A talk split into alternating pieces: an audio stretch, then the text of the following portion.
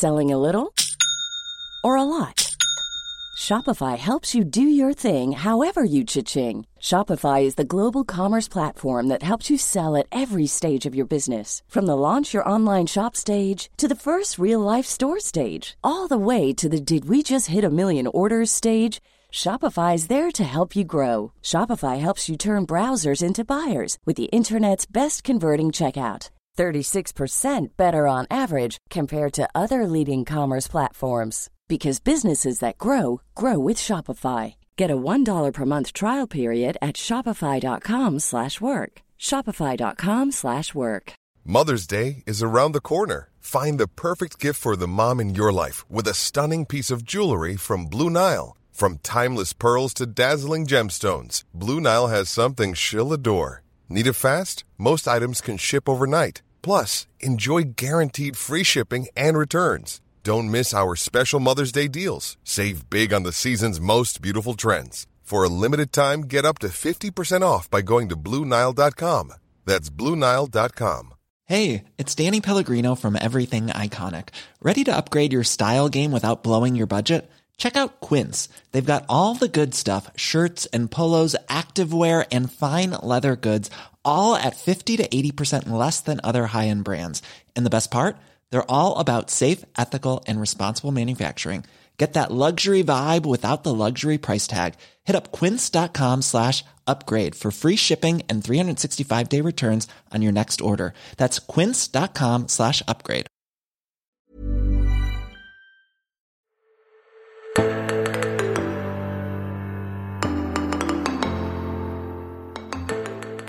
Denne ukens episode av Tore og Tarjei blir spilt inn i midnattssolens vakre rike. Intet mindre. Her sitter eh, Tore Hjalmar Sævik og meg sjøl, Tarjei Gilje, på et hotellrom i Harstad.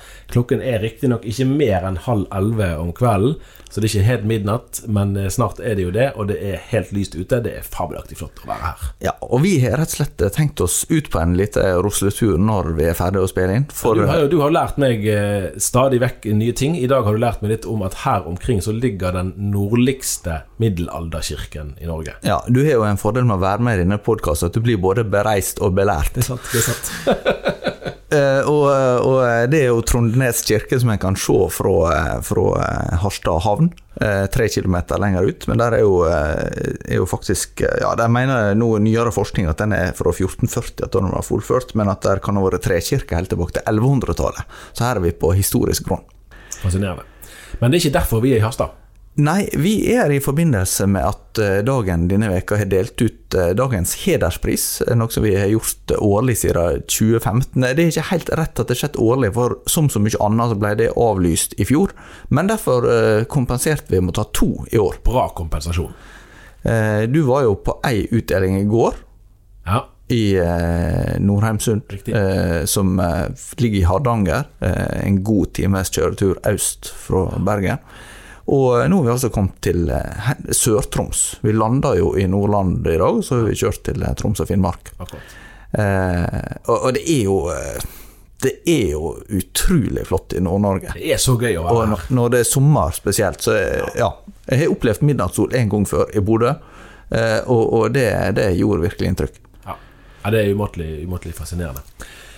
I dag eh, har vi delt ut den andre da, hedersprisen til en eh, baptist som heter Ernst Selvik. eh, Som har gjort en, en det, det er jo egentlig helt utrolig når man tenker over det. For det, det har blitt ført statistikk da, over hans dugnadstimer. For det er poenget at denne, Og det syns jeg er veldig sånn vakkert. At denne hedersprisen deles ikke ut til kan vi si kristenkjendiser. Ja, jeg tror vi kan bruke det begge altså, hvis, man, har- Ja, hvis man har vært liksom prest, pastor eller generalsekretær, så er man i utgangspunktet diskvalifisert. Ja, en, en kan ikke ha, ha um, hatt en kristen jobb. Altså, at, og vært lønna for å være kristentjeneste. Precis. Og dagens vinner har jobbet i Biltilsynet, så han har hatt et arbeid på en helt annen arena.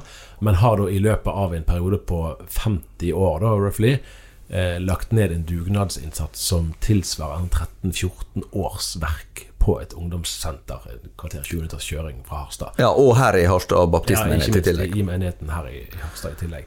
Og bare tenk på hvor mange timer det utgjør, da. I, altså det er en helt sånn voldsom innsats. Eh, der motivasjonen har vært å legge til rette for at unge mennesker skal få, få et møte med Jesus. rett og slett. På Rivermont leirsted. Du likte jo godt eh, når de fortalte hva som var bakgrunnen. Jeg lurte jo på liksom, om det var noe sånn slags ordspill med at det ligger liksom ved sjøen over fjellet, Rivermont, liksom. Men det var en mye mer konkret eh, bakgrunn for navnet enn som så.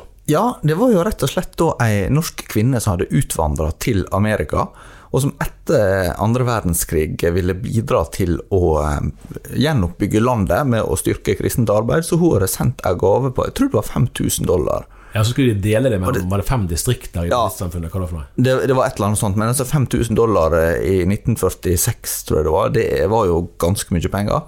Eh, og noen noe av de pengene kom altså hit til å kjøpe ei tomt til det som da ble River. Hun var med i Rivermont Baptist Church i Så Lynchburg, Derav, derav navnet. Lynchburg, Virginia. Ja.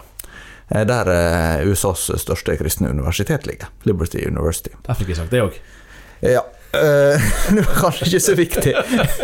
men men eh, det var i alle fall en litt sånn eh, ja, artig tildragelse, da. At det var det som var forklaringa. Men her er vi jo et område der baptistene faktisk har ganske lange røtter tilbake Ja, for det, altså, I Norge er det jo veldig viktig å huske på liksom, opphevelsen av den såkalte konventikkelplakaten i 1842 som gjorde at det ble lovlig å holde kristne møter uten tillatelse fra den lokale presten. Ja. Eh, sånn at Det var jo veldig mye som oppsto på andre halvdel av 1800-tallet. Og, og man kunne kanskje tenke at, liksom, at reisevirksomhet er noe vi har drevet mest med i moderne tid, men det var altså et omfattende baptistisk arbeid her omkring allerede midt på 1800-tallet. Ja, det, det var jo tre år etter at konvertikkelplakaten ble oppheva, så ble, ble jo eh, dissenterlova vedtatt, som regulerte da trossamfunn utenfor Den norske kirke. Eh, i, I 300 år var det jo Det var nordmann og det var lutheraner, var to sider av, av samme sak.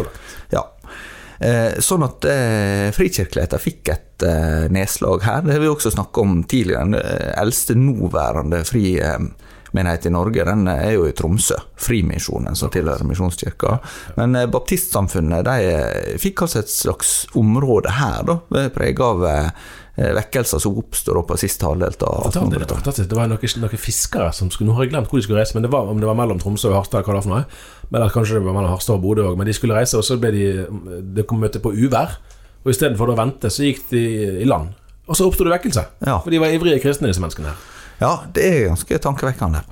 Mye, mye fascinerende der. Og, og på en måte er det jo en Eller ikke bare på en måte, det er jo en forlengelse av den historien eh, at de folkene vi traff i dag, eh, står. Ja, og han, han Selvik han fortalte at han har vokst opp i det som ble da i baptistmenighet, med et hus tilbake fra 1857. eh, Her ute i ei bygd ikke så langt ifra der vi, der vi var. Og det, det skal jo sies, sant, når du og meg har reist litt rundt i Kristen-Norge de siste årene, så er altså det er jo helt sånn fenomenalt hvor mange sånne her historier som finnes av folk som over mange år har gjort en uegennyttig innsats i mange slags uh, sammenhenger. Man kan bli helt sånn målløs når man hører, sånn som i dag, da. Over, og spesielt her når de har ført statistikk over antall timer, at du kan faktisk kvantifisere det.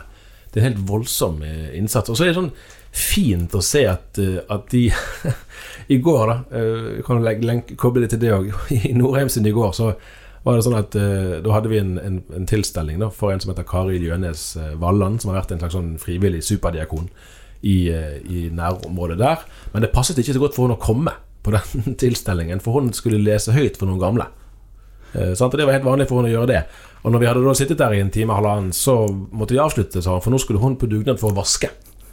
Eh, sant? Ja. Sånn at, sånn at, og i dag òg tilsvarende at vi måtte, liksom, vi måtte nesten sånn avbryte dugnaden for å kunne ha en liten feiring da, med kake og greier for å tildele denne mannen hedersprisen. Ja, eh, nei, for han, han eh, Jeg vet ikke om han akkurat beklager seg over det, men han konstaterte iallfall at i dag ble det bare halv dag med Ja. Og det var jo, vi var jo ikke, vi var jo ikke Eller vi var vel så vidt kanskje ferdig med feiringen før de var i gang med å klippe gresset rundt leirstedet. Ja da, det var en som var satt i gang med det. Og så snakka de om andre prosjekter. De hadde jo tegninger på å bygge ny, eller utvide ja. peisestover der, og de, det var et handikap-toalett de skulle gjort noe med. Mat, ny matsal hadde de innvia i fjor. I fjor, ja.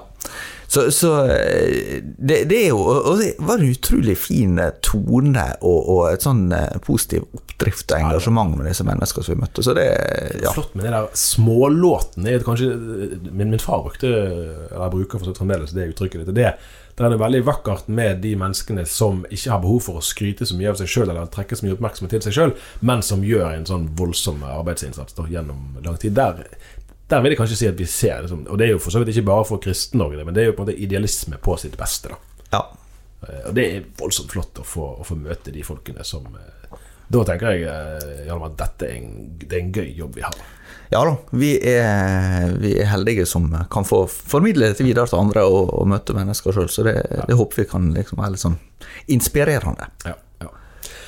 Da eh, sporer vi litt over til noe ganske annet, for dette er jo ikke din eh, første eh, utenbysreise. Det høres jo helt vanlig ut med utenbysreise, men det er jo slett ikke så veldig vanlig i det siste. Nei, det har jo vært, vært mindre av sånt. eh, Du har vært i Sandnes òg denne uken. Jeg var, jeg var en svipp til Sandnes i forbindelse med at eh, KrF omsider kunne sette i gang eh, valgkampen sånn for alvor. Når de eh, kom til det huset som vi besøkte for et par-tre måneder siden, Ja, nemlig. NLM Sandnesporten. Den gamle brannstasjonen. som, ja, som eh, Misjonssambandet nå har gjort til eh, både forsamlingslokal og en svær bruktbutikk og eh, regionkontor og forskjellig. Så, så der var Kjell Ingolf Ropstad, og der var Olaug Bollestad og Hadle Bjuland, som er andrekandidat i Rogaland, og ja, andre folk fra, fra apparatet. Som alle, alle som har sjanse til det, må se i papiravisen. Ja, man kan selvfølgelig se det digitalt òg. Side fire og fem da, i torsdagsutgaven. Så er det jo et bilde som er så veldig gøy, da. Ja, eh, det var rett og slett en litt morsom situasjon. eh, Og det er at eh, Kjell Ingolf Ropstad er jo folkeregistrert i Oslo, og dermed var han på mandag underlagt Oslo-restriksjoner. Som betydde at han ikke kunne være i forsamlinga med mer enn 20 mennesker. Eh, Men når du da har invitert til seniortreff, og der er langt flere enn 20 mennesker som vil være der for å høre De var der på lovlig vis. de var det på lovlig vis, og de fleste var nok vaksinerte også. Eh, Men eh, de var jo da så heldige her i, i dette nye forsamlingslokalet at de hadde et tilstøytende barnerom altså for særlig veldig små barn, da, sånn at foreldre kan se møter og guds, gudstjenestene gjennom et vindu. Men i det vinduet sto da barne- og likestilling Nei, barne- og familieminister, som det heter nå. Eh, og eh, talte til de frammøtte. Men nå måtte bruke via mikrofon, for dette rommet er vel kraftig lydisolert. Eh, Ja, ja, ja. Nei, så, så han hadde, hadde mikrofon. En spesiell situasjon. Ja, det er jo sånn uh, tidsbilde Ja. som virkelig sier noe om situasjonen vi egentlig er blitt vant til, men som på mange måter fremdeles er veldig uvanlig. det er ikke tvil om. Men hva kan du si, altså Vi kunne jo ha, ha snakket nå i timevis om utsiktene og hva, hva slags potensial det finnes, både for Kristelig Folkeparti, men òg for deres uh, alliansepartnere på den borgerlige siden. At nå NRK sin supermåling denne uken Det, det er jo ikke sånn at, det- at det ser lysere ut da enn det gjorde for en måned siden. Hvordan er stemningen, liksom forventningene, sånn som du fornemmer det, både hos de tillitsvalgte, men òg hos, hos eh, KrF-erne ellers som var til stede i Sandnesporten? De er jo tydelige på at eh, nå trengs det mobilisering, og viser til at KrF har hatt evne til å mobilisere eh, tidligere. Eh, og det er vel det som liksom er håpet, at, eh, at en med å få de rette debattene eh, kan mobilisere de velgerne som, som er tilbøyelige til å stemme KrF. Og der er, altså Rogaland er jo et av KrF sine sterkeste fylker. Så vidt jeg bare sjekka litt kjapt, Vest-Agder var litt større i eh, en prosentvis oppslutning i eh, 2017, men eh, i Rogaland eh, fikk de 8,6% På den supermålinga til eh, NRK denne veka så var det 6,3 Så det er jo en del å hente. Det er jo nesten eh, 2,3 prosentpoeng ned. Når vi sier supermåling, så er nå, så vidt jeg husker tallene vanligvis på så er det jo ca. 1000 mennesker som er spurt. Her lurer jeg på om det faktisk er så mye som 11 000. Ja. Det, det gjør jo at utvalget er veldig mye mer representativt, sånn at feilmargingen blir jo mindre. Ja. Altså Sjansen for at den supermålingen treffer, er, er høyere. Vesentlig høyere enn på en vanlig meningsmåling. Så Ja. er det rimelig å legge mer vekt på de tallene. Men så er det jo et, et fenomen som en i USA kaller Bradley-effekten. Eh, og det er at eh, i meningsmålinger så kan det skje at mennesket svarer, selv om en bare snakker med en anonym meningsmåler, så svarer en kanskje litt mer i retning det som en tror at den som spør, har lyst til å høre. Det viser til et eller annet lokalvalg, om jeg ikke husker feil, i California for en del år siden. Der det var en som fikk mye større oppslutning i valget enn det han hadde på meningsmålingene. Da. Ja, det er vel litt derfor vi har valgdagsmålinger, for da Ja. har folk faktisk stemt. Nettopp. Så det er menings... Selv en sånn supermåling er ikke det, det ene er jo at den er ikke et valg, og det andre er at det er fortsatt øh, ja, nesten tre, to og en halv måned igjen til valget. Så, men, men, jeg tror nok at det, ut fra det jeg hører fra både jeg snakker med Ropstad og, og de andre på, på lista der i, i, Rogaland og tillitsvalgte ellers, så, så er nok en opplevelse til alvor. At, at det nå, nå, gjelder det. Eh, og at en er litt avhengig av, av hva debatter som kommer. Mm. Og da er det jo særlig familie, eldre og altså kontantstøtte og sånt. Det er jo også interessant. For det, KrF har jo stilt det som et uh, nærmest et ultimatum for å gå i regjering, at den skal videreføres. Ja, det skal jo sannelig bli interessant å se hva som Etter at Høyre også er vedtatt å skrote det. Ja, ja, ikke minst. Ikke minst. Du, vi, vi, vi, spøkte jo nesten litt med det at nå har vi jo hatt en hel del episoder der vi ikke har eh, Der vi har hatt med oss flere folk. da Og det er klart at Når vi har gjester, så må vi være høflige og, og snakke om det gjestene er interessert i. Så nå har vi litt sånn oppsamlede emner her i dag, så vi har et par ting til vi skal innom. Eh, vår kollega Karl Andreas Jahr, som er utgavesjef i Korsets Seier, han har nå en lederartikkel eh, ute som har overskriften 'Bør Hegertun få spalteplass i KS'? Og Da er jo bakteppet at Terje Hegertun, som var redaktør i Korsets Seier eh, mesteparten av 90-tallet, har skrevet boken 'I trofaste samliv'. Det har vi snakket om her eh, tidligere. Så har det oppstått en, eh, en debatt i etterkant av den boken, som, som, ventet. Og så er det en litt sånn uenighet om hvor mye oppmerksomhet man bør gi den debatten. Og her er det noen interessante avveininger, tror jeg. Når. Ja, det ene er jo hele forholdet mellom kommentar og reportasje i, eh, i eh, en publikasjon.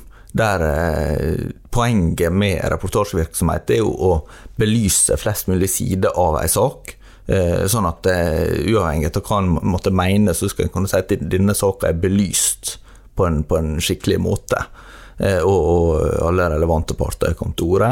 Mer en, en kommentar eller lederartikkel den gir uttrykk for et standpunkt. Det, det, er jo sånn som folk, det høres ut som jeg undervurderer eh, folk som hører på. Det, det er jo ikke meningen men det er bare et eller annet med å må klargjøre at det, det, er et viktig skille. Men, men, så vil du jo samtidig hele tiden ha avveininger med hvor mye skal du skrive om noe, og på hva måte skal du gjøre det.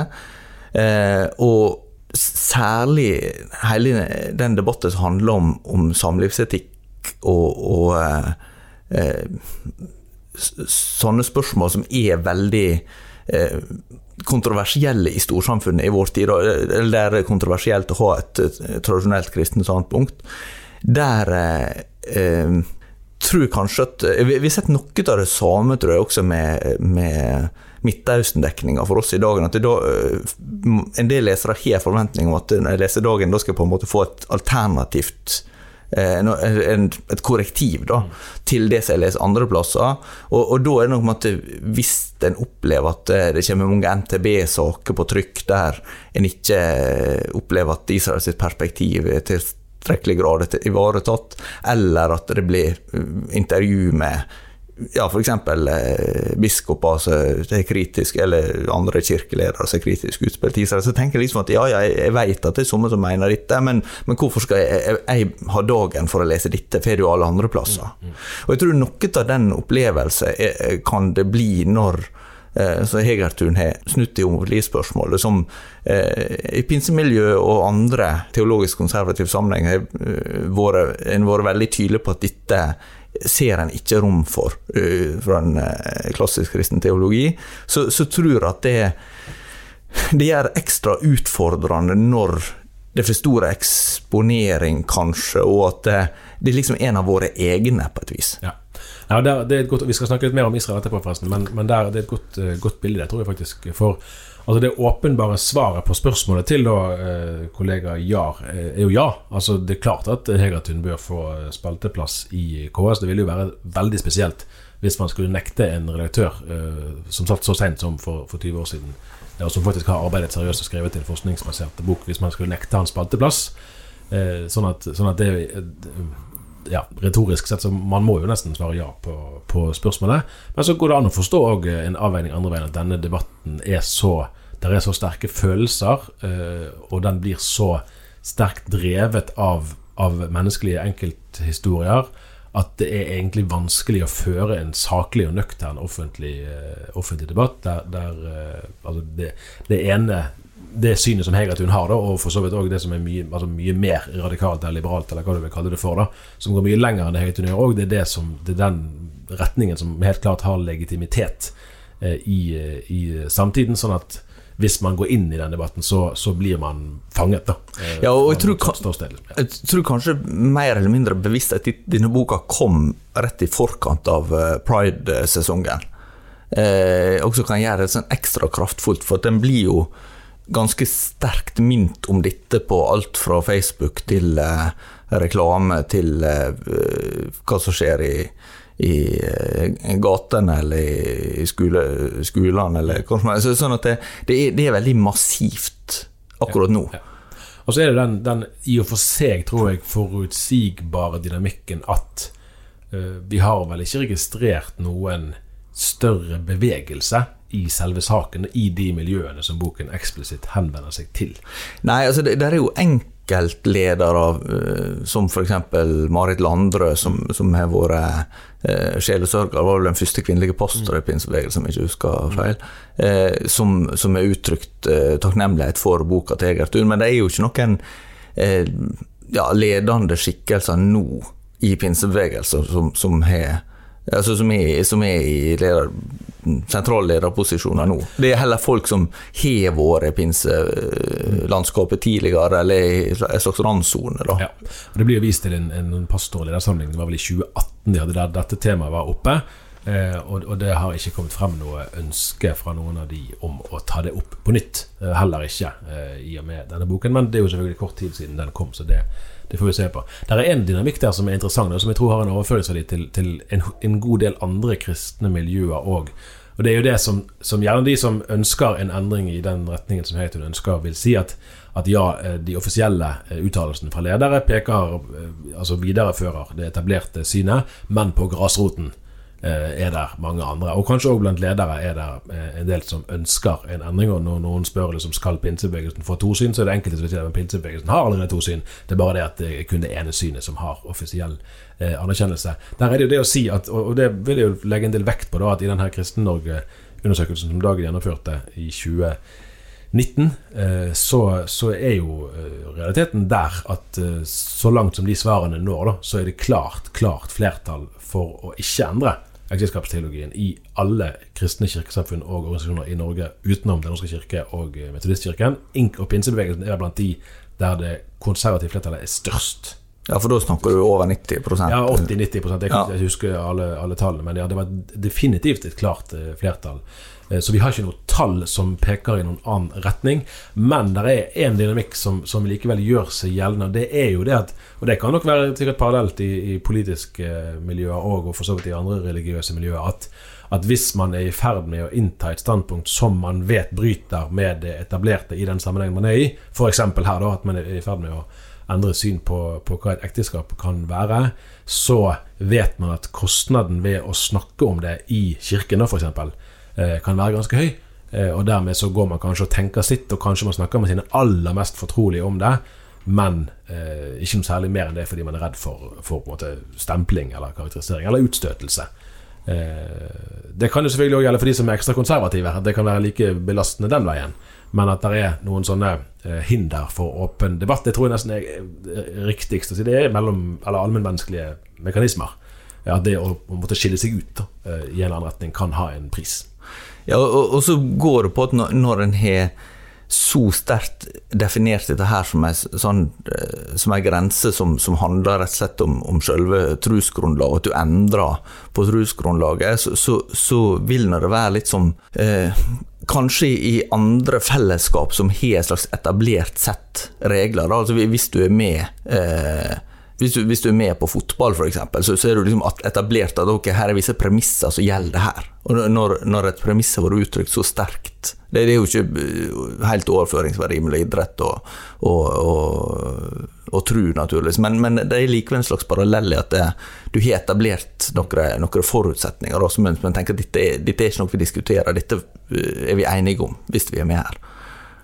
Da skifter vi emne igjen, eh, og da skal vi jo et stykke unna. Og da får lyst til å si først at For det kan jo altså, altså For de som leser Dagen jevnlig, så er jo stoff fra Midtøsten, og særlig fra Israel, en helt sånn integrert del av uh, porteføljen.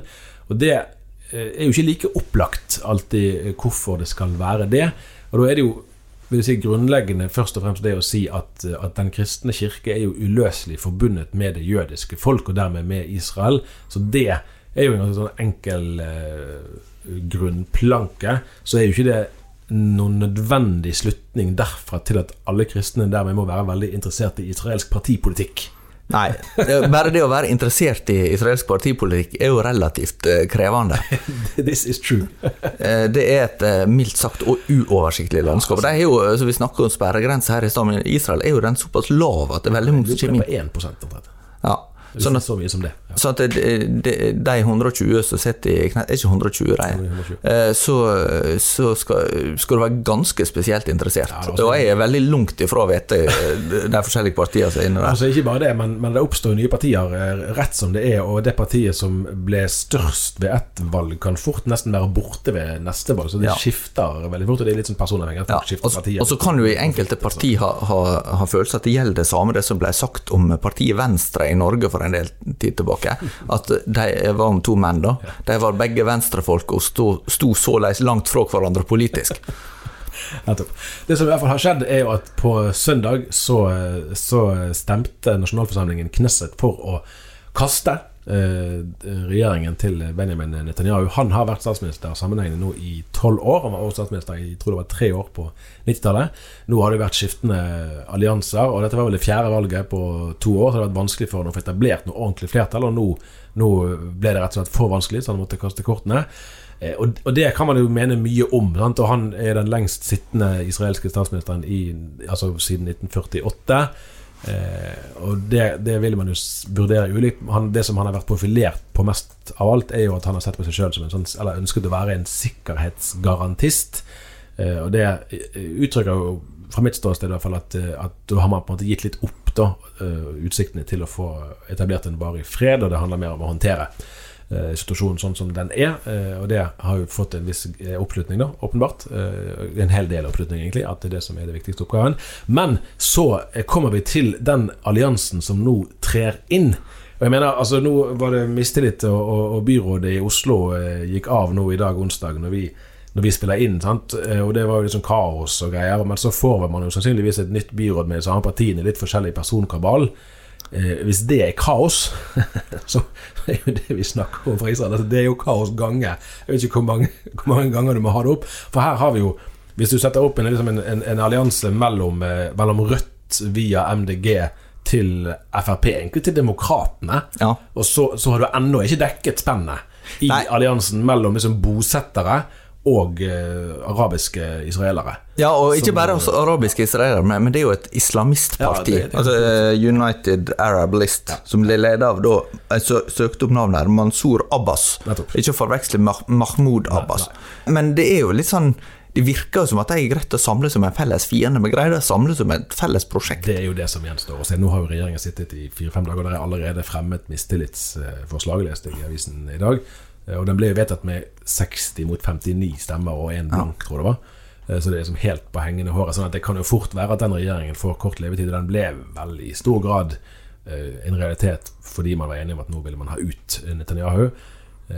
Men det er jo noe, er noe kan vi si vakkert òg, med at et arabisk parti faktisk får sitte i den demokratisk valgte regjeringen. Ja, er ikke et støtteparti, bare. Er de faktisk inne Ja, de er vel med i regjeringen. Er de det? Jeg tenkte det var bare del av det parlamentariske. Nei, jeg tror de er med i regjeringen. Okay. Altså. Ja. Det, det, kan være dette minner om Det er litt flere statsråder der enn vi har i norske regjeringer. Jeg minner om det som fra gammelt blir kalt polsk riksdag, der alle, alle medlemmene hadde vetorett.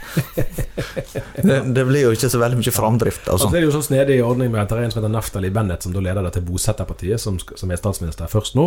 Og så er det en annen som heter Jair Lapid, som var en slags sånn eh, Pål T. Jørgensen eller Viggo Johansen-skikkelse da, på israelsk TV. Ja, medie, en nyhetskjendis. En nyhetsanker. Ja, ja som gikk inn i politikken for en syv-åtte år siden. Eller sånn, og han skal da bli statsminister om to år. Så spørs det jo Eller ja. sjansen for at regjeringen sitter lenge nok til at det noen gang skjer, Eh, ja, den er, det er i hvert fall ikke 100 sikkert eh, at det Nei. blir en realitet, men det er en sånn avtale de har da, om å bytte ut. De bytte ut. Det var en sånn kommentator som spøkte med at de eneste som ikke kommer til å bli byttet ut, det er sikkerhetsvaktene.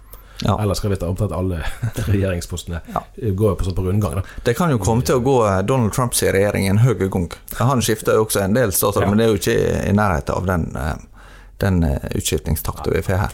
Og så er det jo selvfølgelig, Her er det jo mye politisk spill og greier, og det er rivalisering og, og, og mange ting. Eh, Men så er det jo et alvor bak det òg, som, som eh, illustrerer det som bl.a.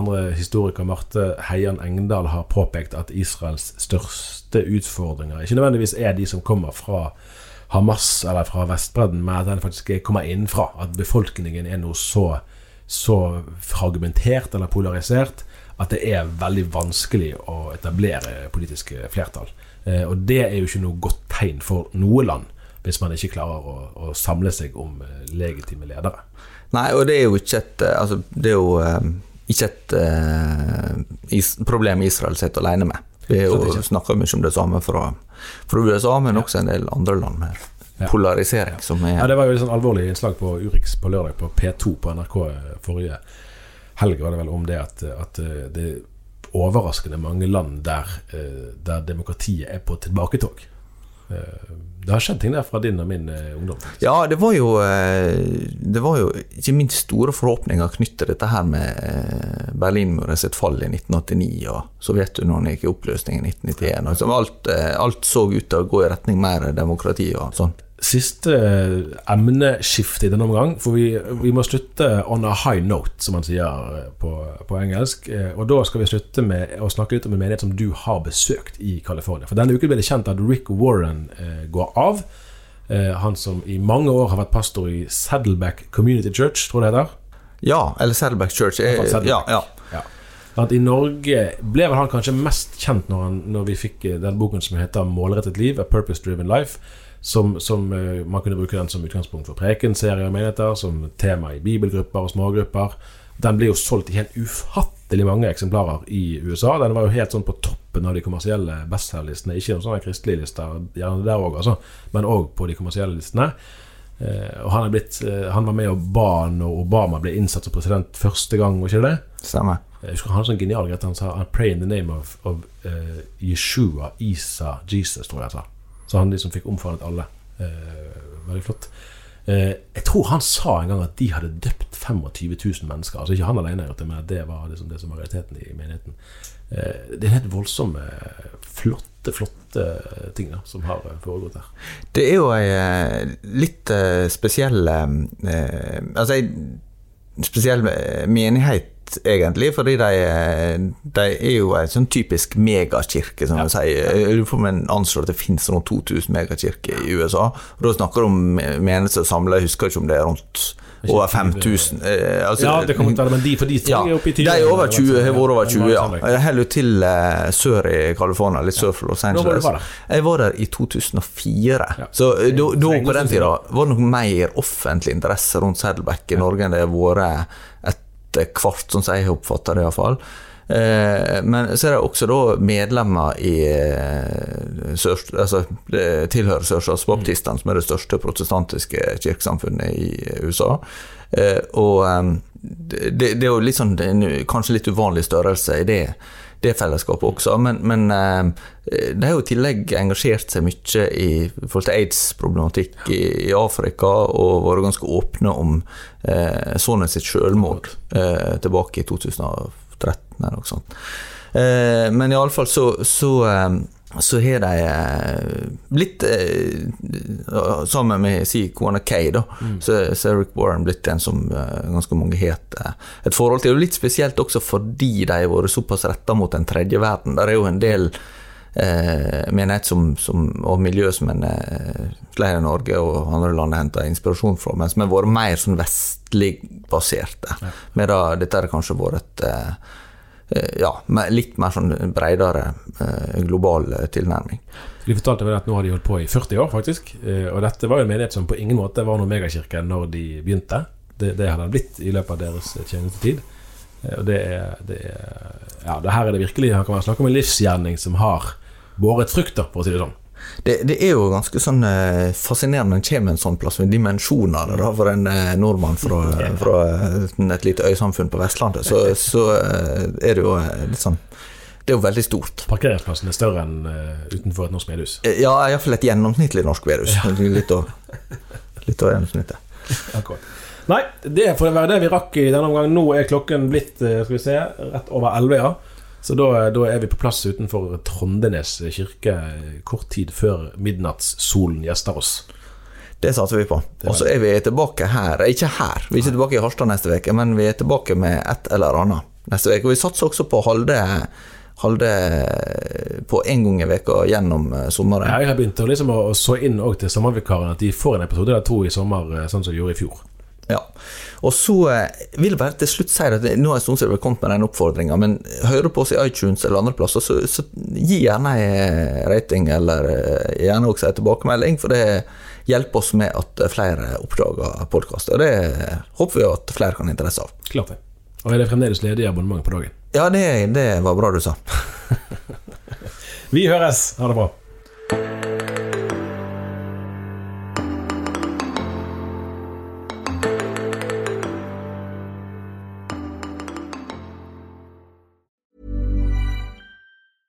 Want flexibility? Take yoga. Want flexibility with your health insurance? Check out United Healthcare Insurance Plans. Underwritten by Golden Rule Insurance Company, they offer flexible, budget friendly medical, dental, and vision coverage that may be right for you. More at uh1.com. Hey, it's Danny Pellegrino from Everything Iconic. Ready to upgrade your style game without blowing your budget? Check out Quince. They've got all the good stuff shirts and polos, activewear, and fine leather goods, all at 50 to 80% less than other high end brands. And the best part? They're all about safe, ethical, and responsible manufacturing. Get that luxury vibe without the luxury price tag. Hit up quince.com slash upgrade for free shipping and 365 day returns on your next order. That's quince.com slash upgrade.